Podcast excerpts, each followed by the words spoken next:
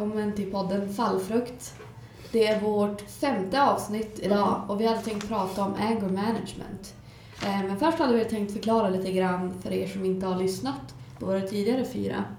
eh, Vilka vi är lite kort och vad vår podd handlar om. Mm. Eh, Jag heter då Sara, jag är 26 år, tjej som ni kanske märker.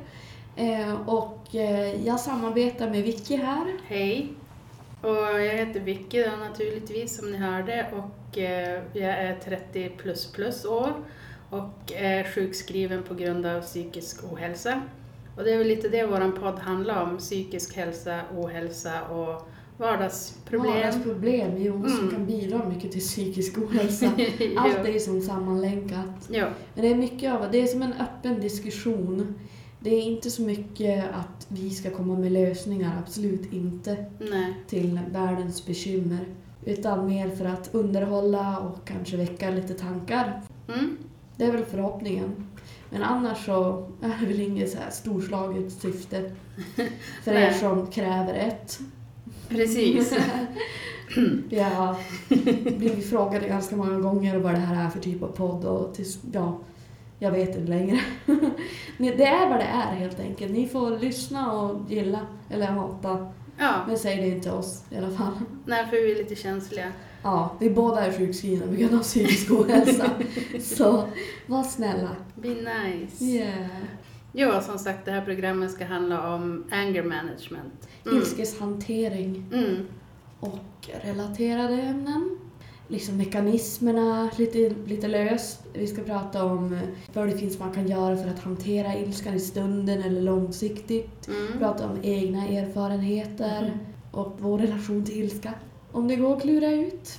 Så det är väl det vi hade tänkt börja med att göra. Yes. Så då är det bara att köra igång och börja prata om... Ja, varför, vi- varför ska vi prata om ilska? Ja, just ja. Ja. så det var så. Har du för svar? Ja, alltså det är en väldigt viktig primär känsla som alla känner någon gång. Så att det är Ja. ganska viktigt ämne att ta upp för många hanterar det på ett väldigt dåligt sätt. Ja. Även vi. Ja, ilska är ju en väldigt, väldigt stor känslokategori kan man väl Mm. säga. Eftersom att det kan yttra sig på så himla många olika sätt. Ja. Och det kan maskera så många andra känslor. Eh, Syftet med ilska är ju delvis att rädda oss från situationer. Det är en inbyggd fysisk reaktion till när man känner sig hotad. Mm. eller kränkt. Ja, och hot mot en själv eller mot andra. Eller mot andra. Ja. Mm. ja, det är ett stort ämne vi tar oss an, men så brukar vi väl göra. Och så sen brukar det bli som det blir. Exakt. Mm. Eh, sen så, jag har personligen haft mycket att göra med ilska. Jag har varit, varit och är en ganska arg människa. Jag kan vara snäll, men det är ganska mycket som pågår inom mig. Om man ska vara djup. Jag har varit jättearg, men alltså nu för tiden så är jag väl inte så himla arg överhuvudtaget. Jag borde vara argare, tror jag. Plötsligt kommer all förtryckt ilska. Ja, det kommer komma ut i det här programmet Du kommer, du kommer hamna i någon slags trans. En sån frenzy här. Ja, skrika och kasta mickar omkring dig. Tekoppar. Ja. Det är något du hör som triggar dig så plötsligt Då exploderar Ja, plötsligt får du någon slags ilske-flashback.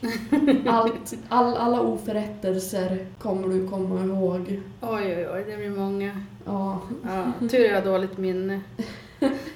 Ja, men ilska, det ska ju göra att man får dåligt minne, eller hur? Åh nej, ja, det ska kanske är det, så. Ja. Och sen måste vi komma ihåg att det finns positiv ilska också. ja, just ja. Mm. Vilken lilla faktaruta. Min lilla faktaruta, det är alltså kontrollerad ilska. Och det är bra att säga ifrån direkt när man känner sig kränkt. Annars går man och bär på det här och kanske blir till och med bitter och hatisk. Mm. Om man inte får ut det på en gång. Jo, eller så vänder man ilska mot sig själv. Jo, det har ju hänt några gånger. Ja, Tyvärr. lite såhär halvomedvetet. Man kan ju komma på sig själv att liksom förnedra eller förolämpa sig själv. Mm. Det grövsta inombords. Man tänker, om jag hade sagt de här grejerna som jag säger till mig själv, om jag hade sagt dem till andra, då hade ju folk typ seriöst sagt ifrån. Jo, Det hade ju blivit liksom, det här är inte acceptabelt. Men det är acceptabelt att göra det mot sig själv. ja det är ju helt vansinnigt helt hur, hur mycket man straffar sig själv. Och sen, ja, det är viktigt för att man måste kunna sätta gränser mot andra. Och sen så, eh, jo man måste kunna prata om varför man känner sig arg. Det blir lite psykologsnack där så Ja, jag känner mig kränkt för att du sa så här och så här till mig. Att man tar liksom det psykologsnacket. Det är väldigt svårt när man är inne i själva ilskeprocessen. Men Ja, då kan man, man kan ju alltså bli så arg att man inte kan tänka nej, rätt. att man bara kastar saker istället. Ja, precis. Vilket har hänt, men det tar vi sen. Tappa kontrollen. Jo, det har hänt ett antal gånger. Jo. Fast färre gånger än det egentligen har förtjänat. Ja, kanske. Egentligen. Jag Ja. menar, jag har flippat. Men egentligen har jag anledning, tycker jag då, att flippa betydligt värre. Men det är inte så produktivt. Nej, det är det absolut inte. Och eh, lite fysiska aspekter när det gäller ilska. Om man håller ilskan inom sig så kan man få bland annat spänningshuvudvärk, vilket folk säkert har märkt. Men eh, utagerar man sin ilska hela tiden så kan det riskera högt blodtryck och hjärt och kärlsjukdomar. Det var lite faktaruta där. Det, det är starka känslor. Kan Mm. göra en sjuk. Ja, i värsta fall blir man bitter och hatisk och är Eller så dör du elak. av en hjärtattack. Ja, eller hjärtattacken. Ja. Jo, det här med att vara bitter, det har jag hunnit vara ganska mycket i mitt liv. Men eh, nu har jag faktiskt slutat med det, för det är lunch inte har jag märkt. Och så har jag blivit mycket lenare på något vis. Och hur det lyckas bli så här, det är tack vare en massa terapi och stämningsstabiliserande mediciner. Mycket bra funktion på dem. När jag var yngre då var jag väldigt, väldigt arg. Men när jag var riktigt liten då vände jag all ilska mot mig själv. Jag kommer ihåg första gången jag gjorde illa mig själv på något vis. Det var i ettan tror jag. I lågstadiet. Eller trean. Trean var det. För då kom vi på så här att om man suddade sig själv på handen då gjorde det ont och sen blev det ett brännsår. Mm. Och det är det första gången jag kommer ihåg att jag liksom tyckte att det var jävligt skönt att Ja. göra. Jag har fortfarande kvar ett ärr på handen jag sett. Jävlar, du suddade inte Jag suddade ordentligt. Vissa, Men- vissa så här karvar säger du suddar. Jag suddade mig när jag gick i trean. Det var första där wow-känslan av att jag känner någonting. Jag kan Mm. agera inåt, fast det blev lite utåt också eftersom det syntes. Men det var ju inte så vidare smart. Men det var så oskyldigt då. Och sen hamnar man ju i puberteten naturligtvis och då vart jag mer arg utåt. Ja, men man slänger ju dörrar och lev om ganska mycket. Men det var en, även inåtriktat, mycket ångest. Inte så mycket självskadebeteende då tror jag. Jag gick mest undan och var själv. Du lyssnar väl ganska mycket på musik? Jo, det gjorde jag. Det, det var en bra ilskehanterare. Eller jag kanske bara blev argare. Men jag lyssnade på aggressiv musik. Till min mammas stora förtret. det var den här utagerande Ja, delen. Du ja. stör andra med musik. Ja, högt och argt skulle det vara. Men sen flyttade jag hemifrån, hemifrån ganska tidigt.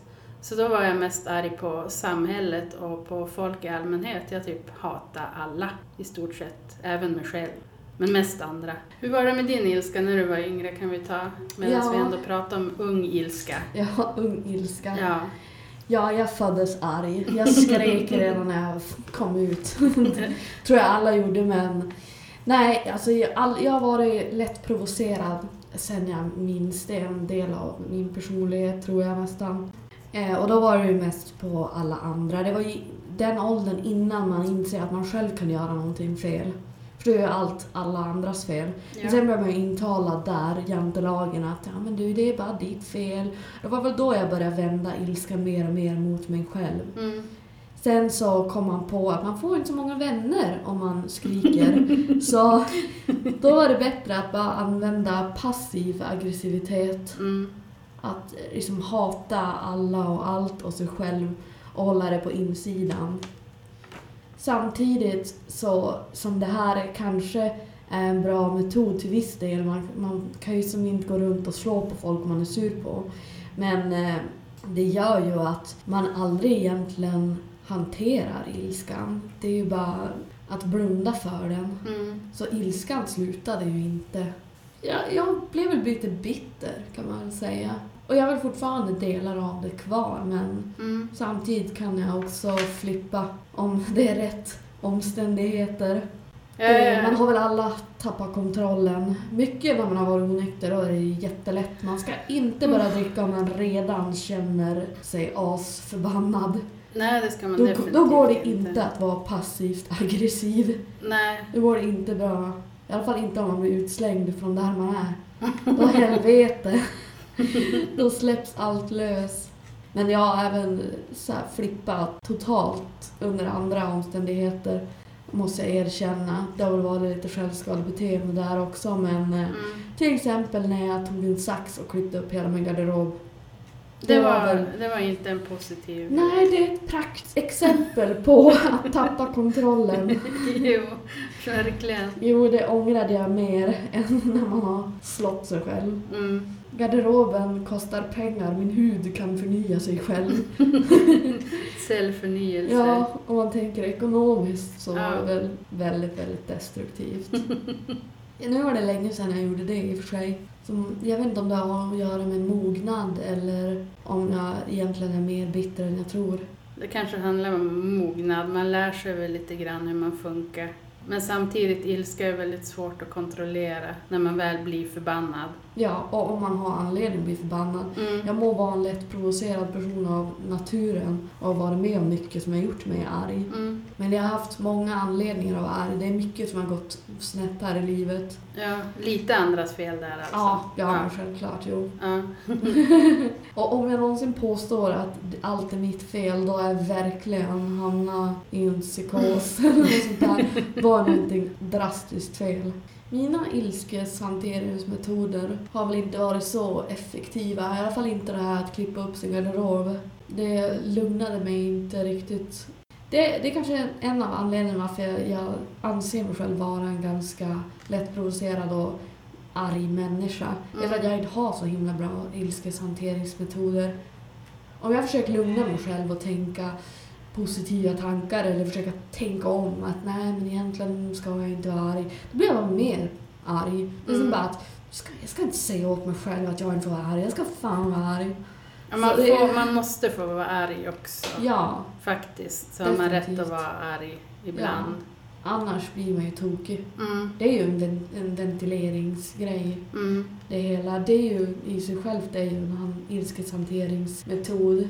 Vi har ju några som vi har skrivit upp här i våra Ja. stödanteckningar. Och det är att känna ilskan och till slut bara bli trött och inte orka känna ilska längre. Mm. Och flysituationerna, det är ganska skönt egentligen för då kan man liksom um, omgruppera och fundera på vad man sysslar med egentligen. Men som sagt, när man är riktigt förbannad så funkar inte det. Det är väl också en mognadsgrej det där att man lär sig lite att jag är så här arg, jag borde avlägsna mig själv från situationen eller från människan för jag kommer att säga någonting som jag kommer sen att ångra. Ja, något väldigt sårande.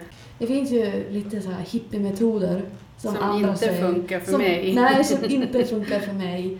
Som det alltid står att man ska göra. Man ska tänka på andningen, Yoga. yoga, meditation, mindfulness. Mhm. För er som inte vet vad mindfulness så kan jag inte jag hjälpa er.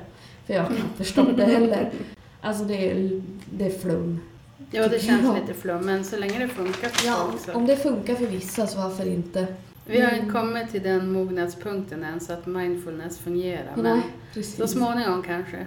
Eller kanske ja, aldrig. Eller kanske aldrig. Nej. Du nämnde i alla fall medicinering, att det finns ju stämnings... Stabiliserande? Jo, Ja. jag är bipolär och har haft borderline så jag, humöret har ju gått upp och ner. Det har ju varit kaosartat. Som sagt, men då terapi och mediciner har hjälpt mig jättemycket. Nu ska man ju inte lösa allting med mediciner men mycket kan man lösa med mediciner. Det funkar i alla fall för mig. Och jag måste äta dem resten av mitt liv så det är bara att gilla läget. Och det kanske andra gillar också, att jag äter dem. Ja, det är för andras skull. Det är därför Ja, de skriver lite. ut mediciner. Du kommer känna dig död på insidan av de här medicinerna, men du kommer i alla fall inte att flippa så att du gör någonting tokigt mot andra eller dig själv. Ja, lite död känner jag mig ju. Ja, Lite av personligheten försvinner men frågan är vad som är bättre. Och jag har Ja. insett att det är faktiskt bättre att vara lite halvdöd än vara aggressiv och elak mot andra. allting det påverkar ju egentligen hela hjärnan. Ja, Det är därför man kan få symptom som trötthet, eh, vad, vad kan man mer få? huvudvärk, illamående, alltså det finns för mycket biverkningar egentligen för att det, Det ska vara positivt. många. Sista medicinen som jag hade som skulle dämpa mitt humör eller stämningsutjämnande Mm. gjorde mig så sjukt trött att jag kunde inte, jag kunde inte ens vara här på Urkraft och sitta och podda. Vicky var med, hon såg. Jag var tvungen att ligga på en soffa för att jag inte kunde stå upp. Nej, Så, så jävla hårt påverkade de här tabletterna mig. ja, det är ju för jävligt. Ja, där gick det över en gräns. Man måste ju ändå vara funktionerande. Ja, jag åt litium i ett år ungefär och jag var som ett rakt streck. Alltså det var så jävla hemskt. Jag kunde varken skratta eller gråta eller skrika eller vara tyst eller någonting. Utan det, jag var totalt död. Så det var ju bara att sluta med det. Jo, det finns ju gränser. Jag menar, Ja. om man blir så död, då blir man ju deprimerad i sin tur. ja, men när man inte kan känna någonting, det är ju, alltså, då, kan man lika gärna, då kan man lika gärna vara död. Ja, Ja, så det var jag tvungen att sluta med. Men det finns ju lite nyare metoder än litium. Och det här med elchocker, det har jag då nekat till. Men jag har haft tur att träffa bra terapeuter ända från början. Faktiskt. Jag kanske skulle ha gått till en lite tidigare, på, till BUP eller någonting när jag var riktigt liten. Men jag sköt på det tills jag var 20 ungefär. okej. Och det hade jag under var så jävla arg och deprimerad och haft ångest så länge. Så att kanske skulle jag tagit tag i det där lite tidigare. Ja, å andra sidan, om vi kollar på mig. Mm. Jag gick till BUP när jag var 10-11 och Mm. började med min första antidepressiva i Oj den åldern. Och se på mig. Ja, jag sitter dig. här 26 år, hatar mitt liv. ja. Oj då, det lät lite allvarligt men alltså det, jag har haft det jävligt tufft. Och jag har fortfarande inte hittat rätt terapeut. Nej. Och jag har testat en ziljon olika mediciner och ingen har funkat bra för mig. Nej, man blir ju som en försökskanin. Alltså, allting måste ju personanpassas. Ja, precis. Och man har tur egentligen om man hittar rätt medicinering eller rätt terapeut, för det är svårt. Jo, det är det. För att inte tala om alla väntetider på psykiatrin. Jo, alla vänder ut och in som man har varit med om. Eh, Vi har pratat om att vi har flyttat runt ganska mycket och det påverkar ju ens behandling. Så varenda gång jag flyttar då är jag tvungen att skriva mig till en ny stad eller kommun eller whatever Mm. och börja prata med någon ny kontaktperson eller Mm. testa någon ny form av terapi. Det jobbigaste med att byta terapeut det tycker jag är att man får dra hela sin historia igen. Åh gud, man skulle ha det bandat. Ja, eller skriva ner det sådär så att man bara, här, läs det här och hjälp mig sen. Ta två timmar på det och läsa igenom min historia. Ja. Istället för att börja om. Men det kanske är en poäng med att börja om. Jag vet inte. De hjälper ju en utifrån hur nuläget ser ut mycket, eller det är väl poängen. Mm. Och de kan som inte hjälpa en för ens tidigare problem, eller om du fattar vad jag menar. Ja. Det är lite som, vad har du i stunden problem med? ja, det finns ju olika, olika terapimetoder. Jag har gått i typ alla olika sorter. KBT och psykoterapi och ja, gruppterapi. Mm. MBT hette det. Det var mycket nyttigt för min ilska och syn på omgivningen och min syn på deras syn på mig. Eller vad man ska säga. Så det har hjälpt mig mycket i min ilskehantering, just MBT.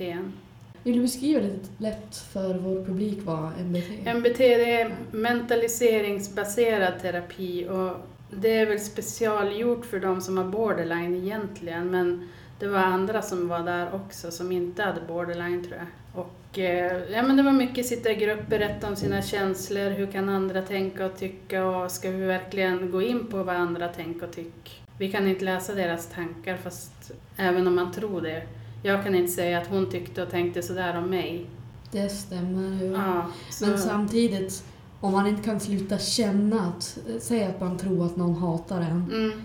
Men det är ändå svårt att sluta känna att hon, den här personen hatar mig eller något Mm. sånt där. Även om man är medveten om att okej, jag vet inte, jag har inte fakta på exakt hur den här andra personen känner mot mig. Så ja, det är ett virrvarr tycker jag. Ja, men det här var mer hur samhället ser på mig och hur den där tanten i kön, varför tittar hon på mig så där? Varför blir jag arg på henne för att hon tittar på mig så där? Fast jag vet egentligen inte vad hon tänkte. Men ja, man har alldeles för känsliga spröt när man har borderline. Att man tar in alla känslor som man tror att folk har. Alltså tro. Det är väl det som är största problemet. Och så humörsvängningarna naturligtvis. Alltså misstron på folk. Är det typiskt för borderline? Ja, jag tror det. Att det... Jag kände igen mig ganska mycket där. Du kanske har Ja. lite släng. ja men seriöst. Det är nog ganska vanligt kanske. Jag vet Jag är superparanoid. Jag är till och med rädd att jag så här, Jag kan komma på mig själv och tänka så här, gud går jag konstigt? Mm. Och då kan man ju inte gå alls som Nej. en vanlig människa. För det är alltid, jag känner mig alltid observerad. Jag Mm. försöker påminna mig själv om att ja, men jag vet inte, varför skulle jag gå och se ut som en freak och varför skulle alla... Varför, liksom, så, så jävla viktig är jag väl inte men Nej. när man väl hamnar i det, alltså, även om jag kan tänka så logiskt, känslan försvinner inte. Nej. Rädslan och alla känslor som tillkommer försvinner inte. Nu har du lite social fobi kanske fast det inte yttrar sig som att du är skraj för allting. Jag gick KBT när jag bodde i Göteborg för att jag hade social fobi mot spårvagnar och mot människor i allmänhet som jag bara hatade. Då var jag verkligen hatisk. Då hatade jag allt. Och då var jag ju rädd för allt också. Mm. Och då in, fick vi lära oss att till slut att ja men varför tittar alla människor på mig? Varför skulle de göra det? Mm. Jag är väl inte så jävla intressant, så att jag är jordens medelpunkt. Och när man insåg det, då gick det lite bättre, faktiskt. Jo, men om man, om man faktiskt ser att någon tittar på en. Där, där är ju skillnaden att folk kan tro ja men den här personen spanar in mig eller vad som helst. Men jag kommer att utgå ifrån att personen tycker att jag ser ful, äcklig ut eller att jag bara ser knäpp ut. Mm. Eller tror personen att jag är typ påverkad eller... Ja, det är aldrig positiva grejer när man ser att någon tittar på en. För det är ju skillnaden. De som är egotrippade k- går ju runt och tror att ja men han tittar på mig för jag ser så snygg ut idag. Ja. Ja, Så det är det är där problemet är. Det handlar ju om hur man... Vad man ut, utgår, utgår från. mm. Jag menar, om man läser in alltid att folk tycker att man är awesome, då är det ju bara positivt. ja när folk tror på en, ja. Ja, ja. önskar det var det.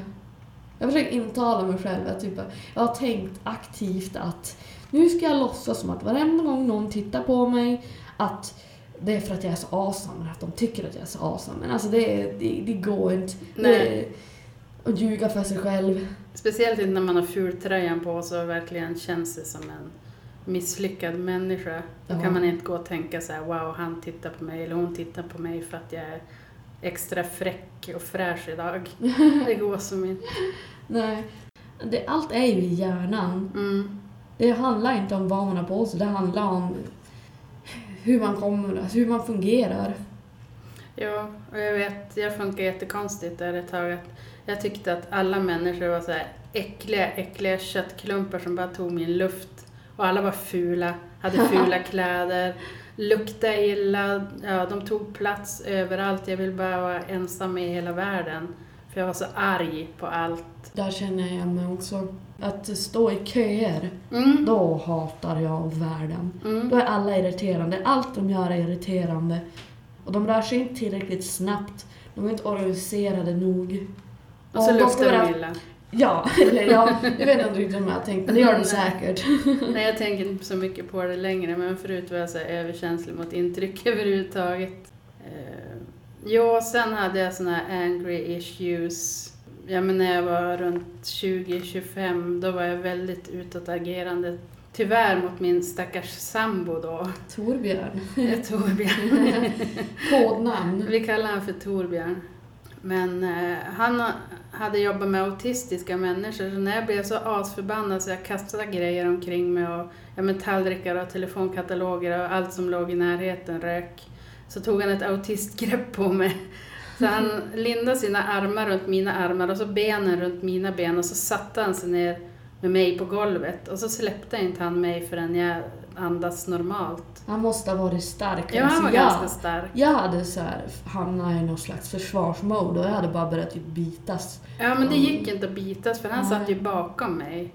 Så att jag, kunde, jag kunde ha skallat han liksom med bakhuvudet, men det gjorde jag nog inte, vad jag kommer ihåg i alla fall. Jag minns inte så mycket de här riktiga utbrotten, för då tappar man ju helt sans och reson. Men eh, ja, som sagt, han släppte inte förrän jag hade lugnat ner mig och gissa om det var lätt att lugna ner sig när någon höll fast en. Men gud. Nej, det tog, det kunde ta säkert en kvart, 20 minuter ibland.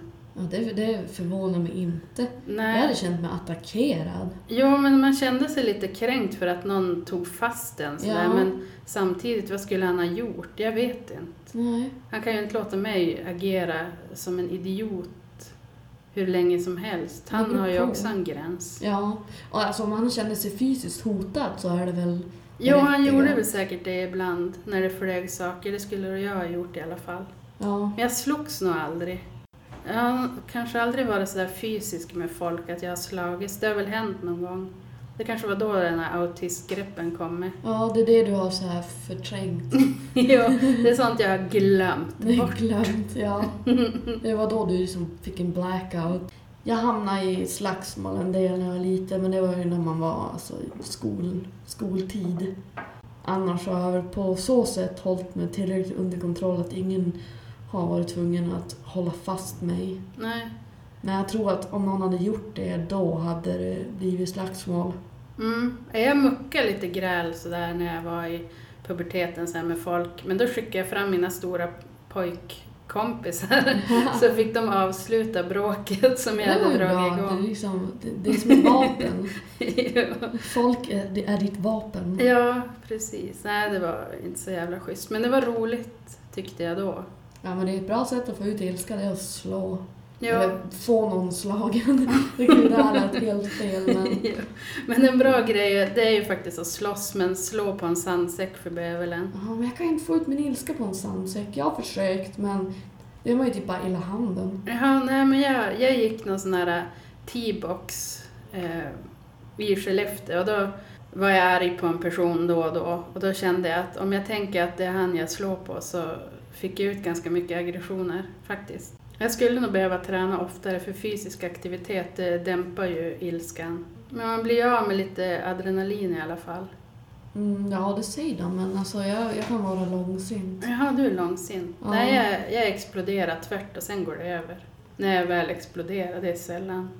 Jag går runt och kokar tills någon verkligen får mig att flippa.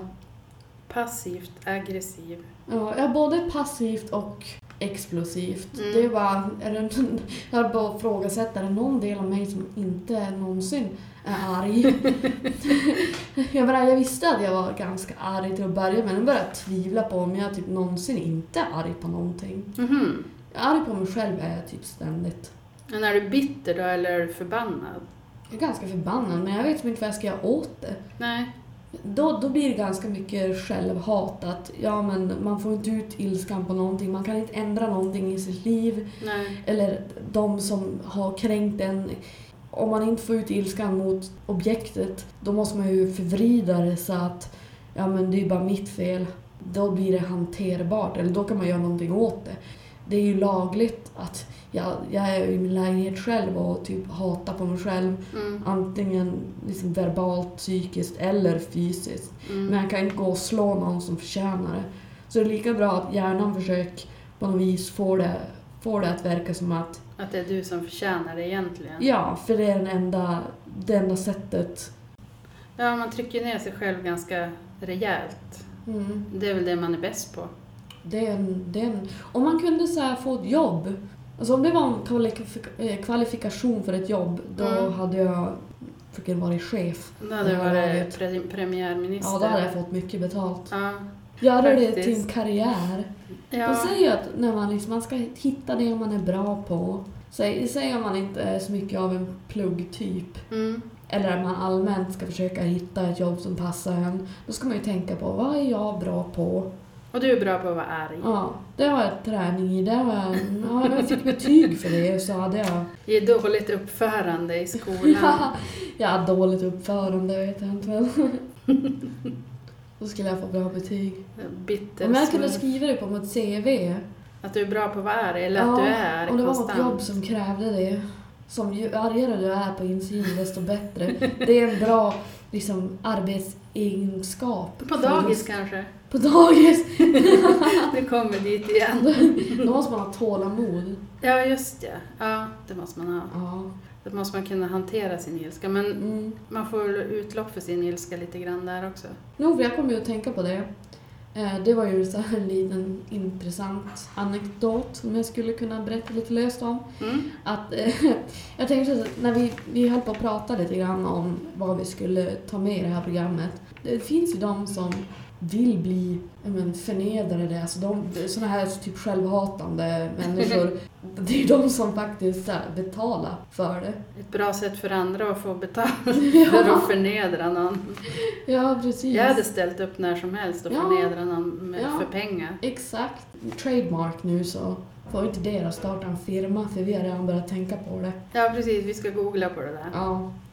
Kanske någon lyssnare som vill eh, e-maila in om de vill bli misshandlad. Psykiskt eller fysiskt Eller eller, verbalt. Vi Nej, är flexibla. verbalt. Vi är flexibla. Ja, inte fysiskt. Ja, beror på. Ja men det är ju olagligt. Nej, inte om de är med på det. Ja, Men sen när de får för ont så kanske de anmäler en. Vi får ha ett kontrakt. Mm. Där de... Ett kodord. Ja, safe word. ja. Nu kommer jag på ett annat sätt man kan hantera ilska på. Och det är ju att skriva, skriva av sig. Att man skriver ner vad man är arg på eller vem man är arg på. Man kan skriva ett brev till den man är förbannad på. Mm. Eller bara skriva i dagboken. Så- Ja, man kanske inte behöver lämna det här brevet till den man är arg på, men då har man åtminstone fått skriva av sig lite grann. Ja, eller prata som man pratar med en kompis som kan hålla med en. Ja, de måste hålla med. Ja, för fan om de inte gör det. Nej, då lönar det inte ens Då, att då prata får med. de bli målet för ens ilska. Ja, Nej, det är en ganska bra metod. Bara höra att någon tycker ja, du har rätt att vara arg. mm, Det, det kan få mig att lugna ner mig lite grann. mm. Om någon är arg åt min skull. För annars, då blir det ju här... Då är man inte psycho. Nej. Om någon annan tycker ungefär likadant. Ja, eller kan jag i alla fall låtsas som att de gör det. Ja. en stund i alla fall. Och Sen Ja. kan de ventilera det till någon annan kompis. Exakt. Nej, jag försöker att inte ventilera mig till just den som jag är arg på kanske. För jag Nej. vet att då kan det spåra. Men det är ju lite där vi pratar om mognad. Att lära känna sig själv, hur man reagerar. Mm. Ja, backa lite. Fundera. Det är nog bästa tipset tror jag. Eller ett av de bättre tipsen tycker jag. Att man, man backar en stund. Gå därifrån. Och tänk på vad, som, vad man har sagt eller vad man skulle vilja säga eller vad man kommer att säga. Mm. Man man inte- kan skriva en sån här för och nackdel Ja. Ursäkta, jag är arg på dig men jag måste gå ifrån en timme och skriva ner varför jag är Överlägga om det här är ja, berättigat. ja. Och vad som vore acceptabelt och vad konsekvenserna kan vara av om jag säger någonting. Mm. Ja, Mm. konsekvenstänkande är ju väldigt moget faktiskt. Det, det är det, det är vuxenpoäng på det. Vuxenpoäng. Vuxenpoäng.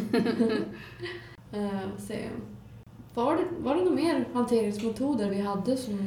Inte som jag kan komma på nu, inte som vi har skrivit upp i vår lilla fusklista här. Det Mm. finns ju piller mot allt, Ja, precis. Och så faktiskt. distraheras med grejer. Ja. Men jag, jag finner det själv, att det är ganska så svårt att distrahera sig själv. ja, men där är det där med musiken är ganska okej faktiskt. Ja, och lyssna på arg musik, jo. Mm. Det gör det. Men försöka lyssna på lugn medicin... Lugn medicin. Gud, freudiansk feltolkning. För försöka lyssna på lugn med, musik. Då blir jag ännu mer uppjagad. Jo, för då blir man förbannad att folk är så jävla lena och sjunger om kärlek och trams när man vill höra om ilska och hur man ska avreagera sig på folk. Ja, men det är lite som när man pratar, när man ventilerar till någon. Mm. Och de försöker bara vända på det hela. Att bara, nej men alltså personen gjorde ju bara sådär mot dig för att... De hittar ursäkter. Och på Mm. något vis så ska det få en att lugna ner sig. Som att, nej men egentligen förtjänar inte den här personen din ilska. Sånt psykar mig. Mm. Då blir jag arg. Och så kan det vara så här, men är du verkligen arg på den personen? Är du arg på någon annan kanske? Eller är du arg på dig själv? Det kan så störa också. När någon ska analysera min ilska. Jag vill, ha, jag vill kunna prata om det, men jag vill inte bli analyserad. Ja, Det blir jag på terapier, det räcker inte av vänner helst. nej precis. Och då är det som att de ifrågasätter ens rätt att vara arg. Ja, På något vis så är det som att de säger till en, du, du borde inte känna den här ilskan. och det vill man inte höra. Nej, det kanske funkar för andra men inte för mig. Det är som sagt var väldigt olika hur man hanterar ilska eller vad som provocerar en och allt sånt där. Men vi kan ju bara gå igenom egentligen vad som funkar för oss eller vad vi har testat, hur vi har upplevt att andra eh, påverkas, bla bla bla bla bla. Men i alla fall, nu snurrar vi runt. Ska vi ta och diskutera lite hur det här avsnittet gick? Jo, det kan man göra. Jag vet inte, nu har vi pratat ganska länge. Och jag tror att vi håller tråden bättre än någonsin. Vi har det. Jag är väldigt nöjd över det här avsnittet. I alla fall materialmässigt. Ja, Men det, det är egentligen perfekt dag för att prata om ilska. för du är ju arg För jag är idag. fly förbannad idag. Ja. Och jag känner verkligen att jag säger vad jag säger, det får vara utelämnande eller inte. Mm. Och jag har inte tänkt ha ångest över hur det här kommer låta för att jag är fucking pissed off och jag har rätt och alla andra har fel. Så Mm. jag höll på att säga, så ni kan alla dra åt helvete. Nej, Tycker du är det ska jag aggressiv? inte. Nej, inte våra kära lyssnare. Nej. Ni, ni får stanna.